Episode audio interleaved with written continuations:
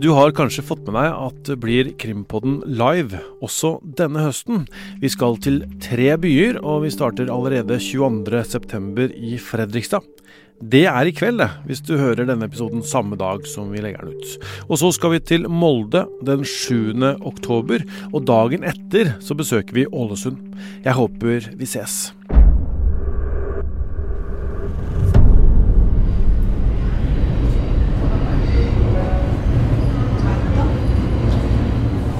Klokka er eh, kvart over fire på ettermiddagen. Og ut av den fulle, varme T-banevogna velter småstressa folk med veska over skuldra på vei mot ungene som venter i barnehagen. Noen haster målretta til matbutikken, mens andre går mot bukettene som bugner fargerikt utafor blomsterbutikken på Tveita kjøpesenter øst i Oslo.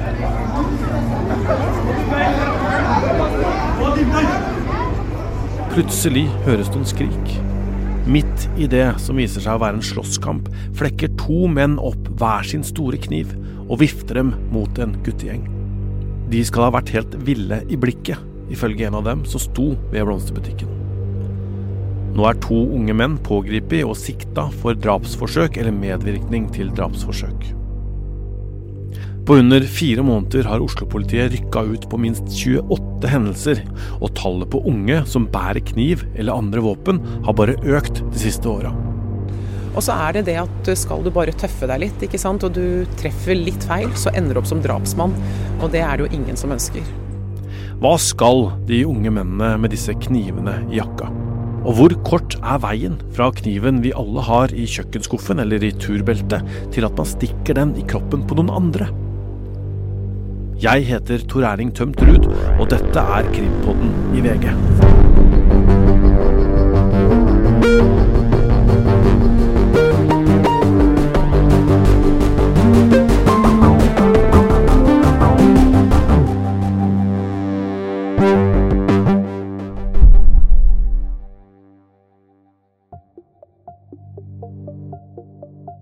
Krimkommentator Øystein Milli og jeg skal straks ta turen til kjøpesenteret på Teita, hvor dette slagsmålet skjedde. Men først, la oss se på hva som foregår i Oslo for tida. Flere kaller det en voldsbølge. For siden juni har politiet rykka ut flere ganger i uka til steder hvor det har blitt trekket kniv eller andre våpen har blitt brukt. Og det er bare i hovedstaden. Rett før sommerferien løp to 18-åringer inn i skolegården på Hellerud videregående. Den ene med en ladd revolver i hånda, den andre med machete og foldekniver. For elevene og lærerne som var vitne til det hele, så skal det ha vært skremmende, forteller rektoren til VG. Bare en snau halvtime etter knivdramaet på Tveita, som vi skal til, så måtte politiet rykke ut igjen, denne gangen til Furuset. Der blei en mann stikket med kniv, og opptrinnet etterlot seg en blodig benk. Mannen blei sendt til sykehus, alvorlig skada av stika. Den andre unge mannen politiet sikta for å ha gjort det, erkjente ikke straffskyld da han blei avhørt. Hvor kommer disse knivene fra? Ett av svarene er kjøkkenskuffen. Og et annet viktig svar har Krimpoddens reporter Ruth Einvoll Nilsen reist til Gardermoen for å sjekke nærmere. Så da kjører vi postsekken gjennom. Dette er den røntgenmaskinen som viser tydeligst bilder. da. Her ser du hvordan kniven fremstår på bildet. da, Veldig tydelig. Du ser uh, utformingen, du ser størrelsen, og du ser uh, at det blå det er metallisk. da.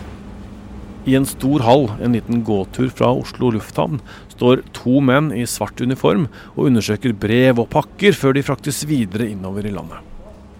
Jeg heter Kai Hermansen, og jeg har jobba i Tollvesenet i 25 år. Jeg jobber her på flyfraktseksjon på Oslo lufthavn Gardermoen. Eh, jeg heter Lars Mathisen. Jobba tolv år i etaten. Jobber på flyfrakt med pakker og gods. Lars velter en stor sekk på et rullebånd og sender den gjennom en røntgenmaskin, en som du sikkert har sett på sikkerhetskontrollen på flyplassen. Oppi denne sekken har han lagt en stor kniv som de fant i en importert pakke tidligere denne uka. Nå skal de vise hvordan de oppdager det på røntgenskjermen. Der har du den som ligger i sekken, og sjøl med mye annet innhold, så lyser jo den opp, da. Ja, jeg ser det. Det er mer moro her. Det er nok marihuana. Men vil det si, så klart som disse knivene lyser opp, uansett hva de ligger sammen med, at dere stort sett klarer å identifisere alle kniver? Ja, det klarer vi. Vi klarer å finne de. Det er ikke noe vanskelig for oss å finne kniver. Eh, problemet for oss er å få det anmeldt. Tolletaten anmelder alle ulovlige kniver som de avdekker. Så langt i år er det gjort 445 våpenbeslag, og det er nesten 100 mer enn det ble gjort i hele fjor. Det avdekkes hovedsakelig kniver og pepperspray, men også skytevåpen og våpendeler. Tolletaten opplyser til oss at eh, av beslaglagte våpenprodukter hittil i år har de beslaglagt bl.a. 319 kniver og lignende, og 85 batonger, slåsshansker og lignende. Når vi skanner en sånn, sånn sekk som det, det er jo For å beskrive, så er det en full, svær postsekk. Eh, når vi ser den kniven inni, så vet vi at den dekker hele sekken. Vi ser at det er en svær kniv. Jeg vil ikke ha den på skolen til mine barn, men vi får ikke gjort noe med det. Nei, for den der er lov. Den må sendes ut. Og den er hvor lang, tror du, bladet? Skal vi tippe 35-36 cm? Ja. Kai og Lars tar knivene bort på et bord, pakker dem ut av esker som kunne vært hva som helst i posthylla. Men ut av det ene brune skinnhylsteret trekker Kai opp noe som skinner. Ut fra et svart håndtak med mørke tredetaljer stikker et knivblad så reint og blankt at det nesten er blendende. Det vi har her, det er en kniv som er helt typisk, som kommer fra Pakistan. Det kommer veldig mye kniver fra Pakistan bestilt på nett. Uh, så jeg har tatt ut disse her til kontroll. Uh, de er lange. Den her er anslagsvis Jeg skal hente målebånd. Mm. Jeg har det her borte. Mm. Og her er knivbladet. Uh, 35,5 cm langt. da Og det vil jo de fleste av oss forbinde med en kniv som er veldig mye større enn det du trenger. Og bruken til mottakeren veit vi veldig lite om. Vi veit bare at det kommer mye og at vi ser dem i miljøer vi ikke ønsker å se dem. Sånn som den er jo eh, holdt på å si, Det er en veldig fin brukskniv hvis du går i krattskau og skal lagre en sti. Mm. Men da har du veldig lite bruk for den eh, som vi kaller bløggerennet. Lars peker på et avlangt søkk som sitter opp mot ryggen på knivbladet, og det brer seg smalt nedover langs metallet. Det er jo for å få blodet til å drenere ut av kniven. Det trenger du ikke når du skal hogge kvister. Det er altså sånn at mange av disse knivene, selv de med blad som er mye lengre enn på en kjøkkenkniv, ikke nødvendigvis er ulovlige å eie. Denne våpenforskriften som regulerer hva som er lov og ikke med tanke på å eie våpen, og da kniver som vi snakker om her, den kan kanskje virke litt forvirrende. For utgangspunktet er at både springkniver, batangakniver og det som heter stilettkniver, og kniver og machete med et blad over 25 cm er ulovlige. Men så kommer det noen unntak, og det er her det begynner å bli komplisert. For hvis du skaffer deg eller eier en kniv som har med jobben din å gjøre, eller du skal bruke den på fisketur, til sport eller en kulturell aktivitet, så er du unntatt fra dette forbudet vi nettopp nevnte. Det er du også ved det som kalles andre aktverdige formål. Og Jeg har slått opp i ordboka, og der betyr aktverdig det samme som respektabel. Så hva er egentlig en respektabel bruk av kniv?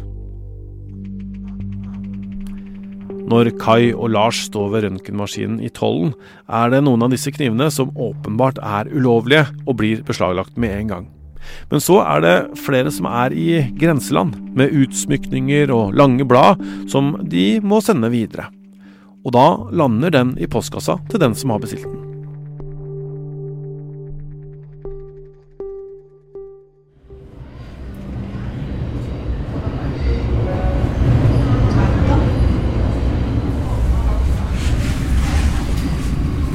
Gå her, videre da, Øystein? Ja, det er her vi skal. Øystein og jeg tar eh, banen til Tveita senter i Oslo. Det var der en av hendelsene skjedde. En eh, knivtrussel. Dette er lyden av filmen som noen tok av at flere personer her drar opp svære kniver rett ved utgangen av kjøpesenteret. Det ligger ved siden av en eh, blomsterbutikk. Vi er på Tveita senter. Det er jo det her nå. Så den blomsterbutikken. Ja, det er her, det. Det er det. Da var det jo her det skjedde, da. Ja, her er det jo bussholdeplass, eh, parkering, eh, butikker. Blomsterbutikken, som vi sa. Så her er det mm, Til og med nå midt på formiddagen så er det jo en del trafikk her.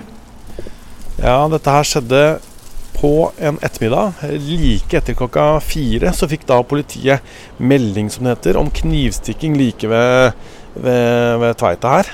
Um, og da er det folk som ser at noen drar opp to svære kniver, trolig macheter. Ja, det er jo dramatisk og øh, skremmende, ikke minst, øh, å bli vitne til noe sånt. Og det er jo trist at, øh, at det skjer, og at noen mener at det er øh, på å si hva de mener, om det er en god idé eller om det er en dårlig idé, eller hvorfor de gjør det. Men det er veldig trist at noen øh, bruker kniv for det. Vi vet jo at det kan ja, selvfølgelig skader det, og det kan også veldig fort ta liv. Og så er det da folk som eh, ser på dette her. Noen eh, filmer, og VG har publisert en eh, video av det også. Eh, dette at unge menn bevæpner seg sånn. Hva syns du om det, Øystein? Nei, Det er et stort samfunnsproblem. Og det mm, er sikkert en sammen, eller det er sammensatte grunner til det. Men eh, det har vært ekstremt, eh, sier jo politiet nå, mye. Man eh, sier jo at trenden egentlig har vært nedadgående, at det er en positiv trend. Men at det nå i høst har vært eh, lite brudd i det. Som jo man selvfølgelig håper skal være en sånn forbigående sak. Men, eh, men det vet man jo aldri. Hvorfor? Det er jo et spørsmål her. ikke sant? Hvorfor tyr man til det? At man må bevæpne seg med kniv?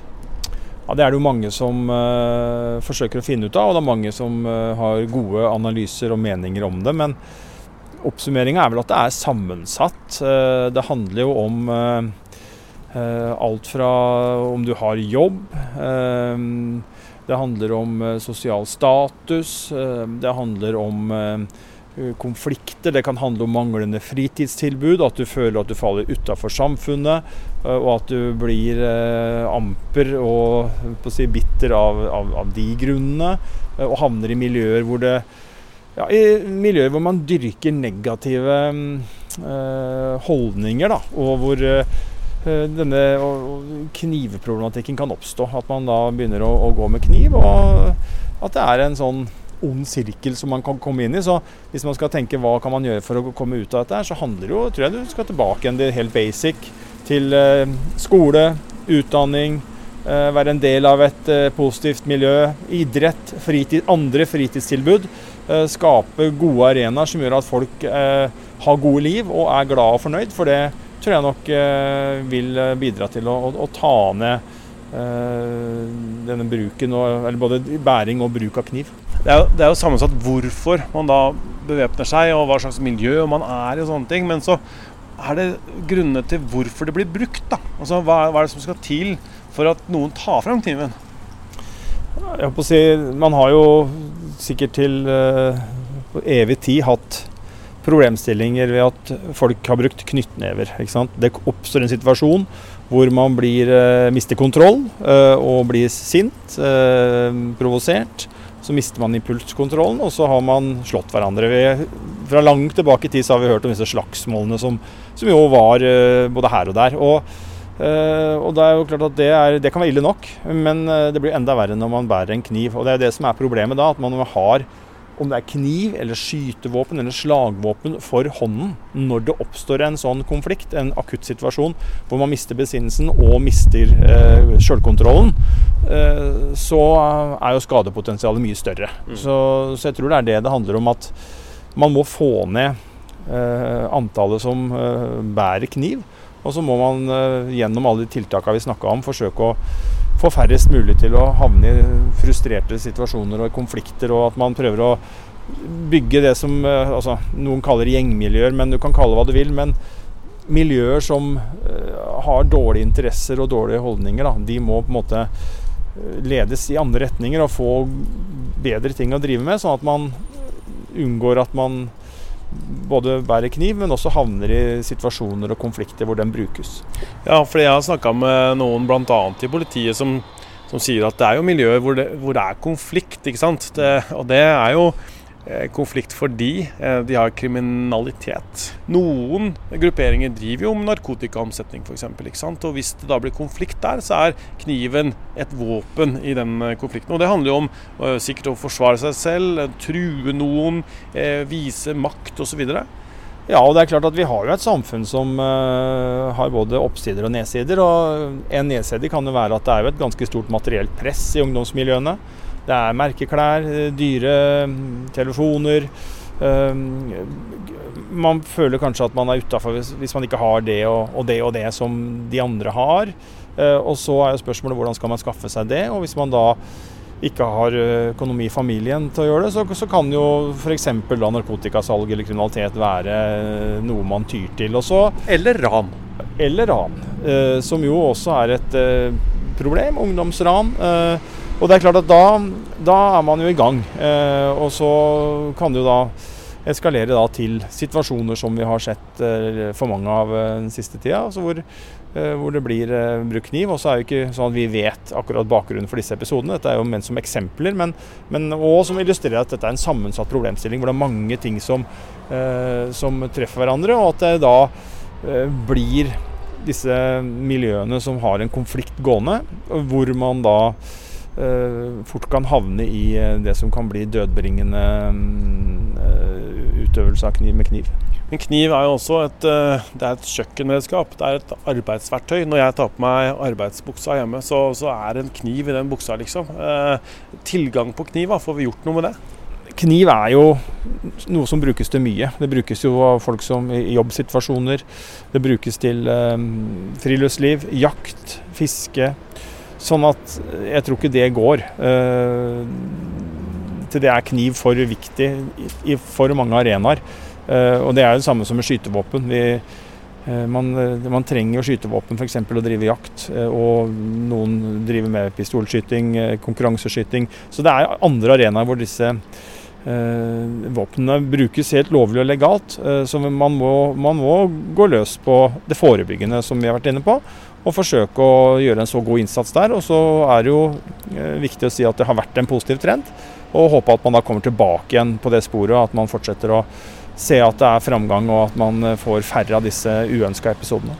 Kniver det er lett tilgjengelig i samfunnet, eh, men det er jo ikke alle unge mennesker som har et sånt forhold til kniv, eller som trenger å bevæpne seg. Det er lett å gå med kniv, men hvis du må bruke den da, og du skader noen, så får jo det ganske store konsekvenser. Ja, det kan koste liv. Eh, og det kan eh, for den du angriper kniv, og det kan koste deg 10-15, eh, kanskje mer også, år i fengsel. Alt ettersom hva som er foranledningen. Så det er ikke noe, det er ikke noe sånn at dette er på noen måte ufarlig, hvis noen skulle tro det. Det er ytterste konsekvens dødelig, men man kan jo også skade folk for livet. Og uansett da eh, ja, ødelegge både offeret sitt liv og sitt eget liv ved å pådra seg da en lang fengselsstraff med alle de negative konsekvensene det har. Og ikke minst da med tanke på de som rammes av både offeret sjøl og offerets familie, er jo eh, mye lidelser knytta til det. Så det, det, er viktig at dette tas tak i, og det er viktig at dette forebygges. Og viktig at det gjøres alt man kan for å få den ned på et eh, så lavt nivå som mulig. Og det er klart at For den som tenker tanken på å ta med seg en kniv eh, sånn uten videre ut i Oslos gater, eller andre offentlige steder, om det er i Trondheim, Tromsø, Sogndal, hvor som helst i Norge, så er det en dårlig idé. Eh, fordi at det er ikke noe opplagt grunn til å ha den. Det er ikke noe sånn at du skal bruke den til noe fornuftig, forutsetter vi da. Og da, da, har ikke, da, har du ikke behov for å ha med deg en kniv. Da. Du snakka om at du hadde i arbeidsbuksa di. Og, og, da tenker jeg at den eh, arbeidsbuksa må du gjerne bruke hjemme, men skal du på butikken eller et annet sted, så tar du enten av deg kniven eller buksa. fordi at det å dra med seg kniver ut i det offentlige rom, det, er, det har ingen hensikt annet enn at det kan skape farlige situasjoner. Og hvis det er noen som hører på og som uh, vet at de har tenkt til eller pleier å gå med kniv, så vil jeg jo bare oppfordre sterkt til å ikke gjøre det. Ikke ta med dere kniv ut på offentlige steder. Bruk kniv uh, kun uh, til fornuftige formål, og sørg for at ikke det oppstår noen personskade. De har ingen å miste og ingen grunn til å skal havne i sånne forferdelige situasjoner som det medfører når kniv brukes på den måten her.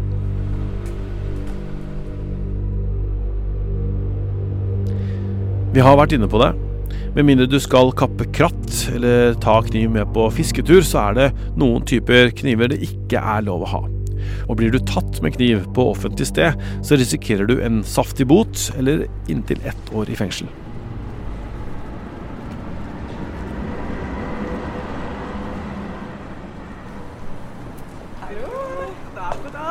Hei, Mariana Låsic. Advokat Mariana Låsic er en av dem som ofte står sammen med disse unge mennene i rettssalen. Og reporter Ruth har møtt henne utafor Oslo tingrett, hvor Mariana tilbringer mye av tida si.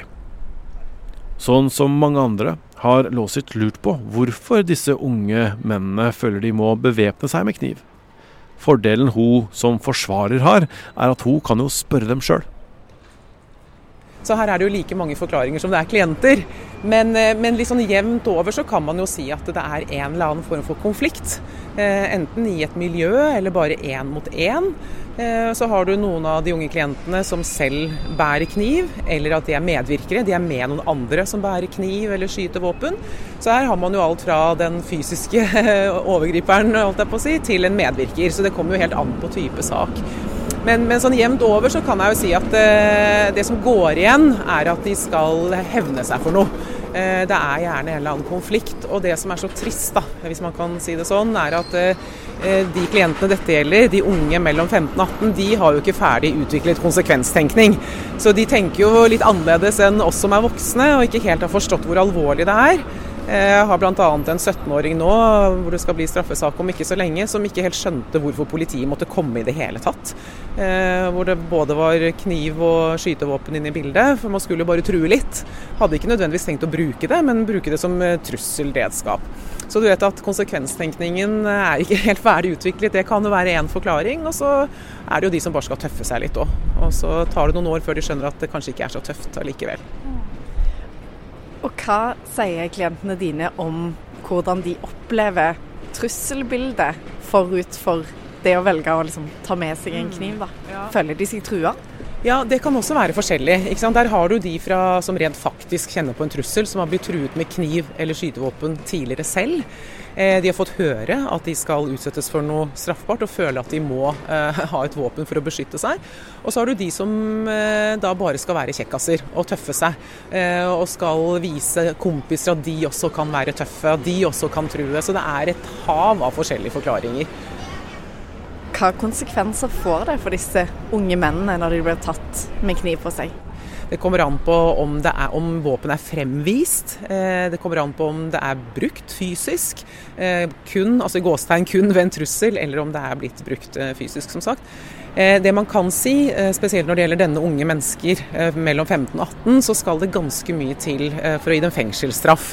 Vi skal jo ikke putte barn i fengsel som hovedregel. Det må være tvingende nødvendig, som det heter i loven. Så her finnes det mange typer straffereaksjoner for dem. Men det jeg tror er det viktigste, det er at de blir møtt med både hos politi og forsvareren sin en litt sånn realitetsorientering om hva dette faktisk kan føre til. Eh, har man tenkt å bare pulle opp, som de sier, med en kniv for å true, så ender man plutselig opp som drapsmann. Og dette kan være centimeter og millimeter om å gjøre noen ganger. sånn at eh, en del av mine unge klienter sier til meg ofte at du er jo strengere enn mora mi, men noen av dem trenger jo kanskje å høre det.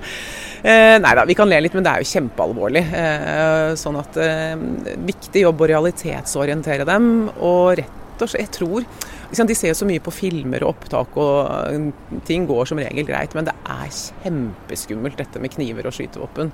Og det er en alarmerende utvikling vi ser nå. ikke sant? Så blir det en sånn ond spiral. ikke sant? De kommer med kniv, da må vi ta med kniv neste gang. Og så fra kniv til machete, som ja, kanskje oppfattes som enda mer truende.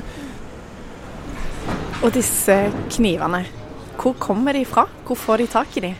Det kan være så enkelt som i kjøkkenskuffen hjemme. Eh, vi ser jo at alle typer kniver brukes. Eh, det kan være fra en vanlig smørekniv til kjøkkenkniv, jaktkniv, morakniver som du får kjøpt overalt i sportsbutikker. Og så har du machetene. Eh, og macheten er jo nå litt mer og mer i omløp. Eh, ble tatt inn i straffeloven nå for ikke så lenge siden som et eget straffbart forhold. Eh, og de går litt på omgang i noen miljøer. Så brukes de som trussel i én episode, så lånes det bort til en kompis i neste episode. Så, så kniv er dessverre ikke noe vanskelig å få tak i. Og Hvordan opplever du at politiet håndterer den eskaleringen man har sett i Oslo den siste tida? Nå har jeg ganske mye å gjøre med politi i disse ungdomssakene, og det er jo flott politifolk som engasjerer seg, eh, betjenter som jobber tett på ungdomsmiljøene. Eh, det man kanskje kunne trengt mer av, det er oppsøkende virksomhet på, fra ungdomsskolealder. Eh, på videregående skoler. Jeg har mange samtaler med ungdommer i forskjellige miljøer om ja, andre typer straffbare forhold. Ikke bare kniv- og våpenbruk, men spesielt opp dette mot seksualisert atferd osv. Og, så og ungdommen er så sugne på informasjon.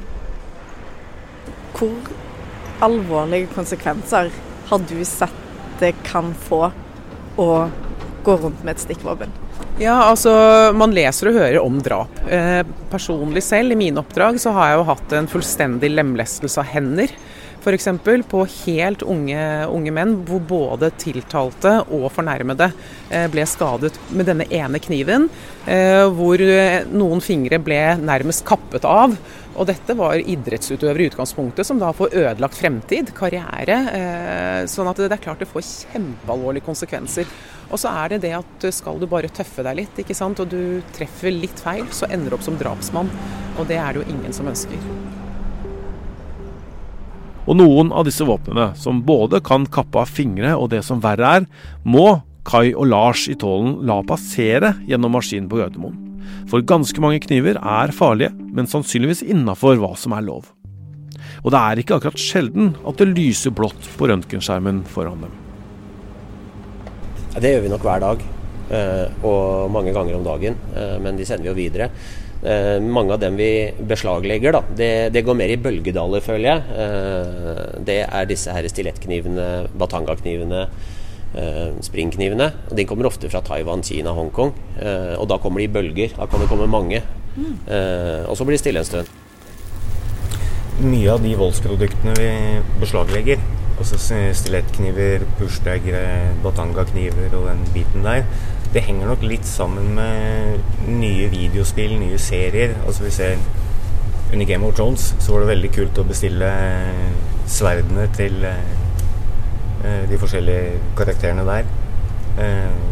Nå kommer det nye spill med nye voldsprodukter, og da er det dessverre en del unge folk som bestiller dette for å ha på gutterommet. Mm.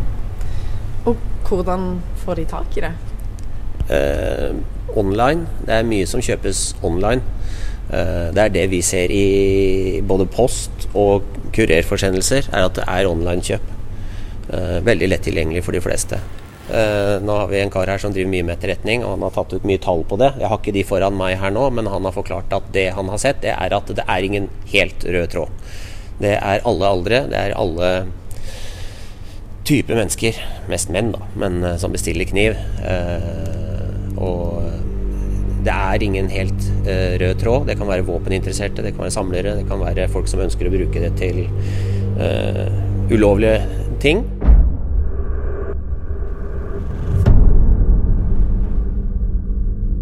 Det er reporter Ruth Einevold Nilsen som har laga denne episoden. Øystein Milli var med, produsent er Vilde Worren, og jeg heter Tor Erling Tømterud. Og du, på mandag kommer siste episode av serien vår Hva skjedde med Nerid? Det har du venta på. Eller kanskje har du venta helt til du kan høre alle episodene på en gang. Da har du endelig mulighet nå på mandag.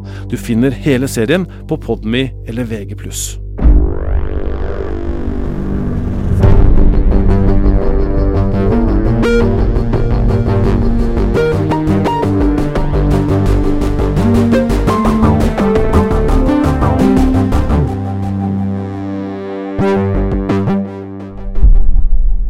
Har hørt en podkast fra VG. Ansvarlig redaktør, Gard Steiro.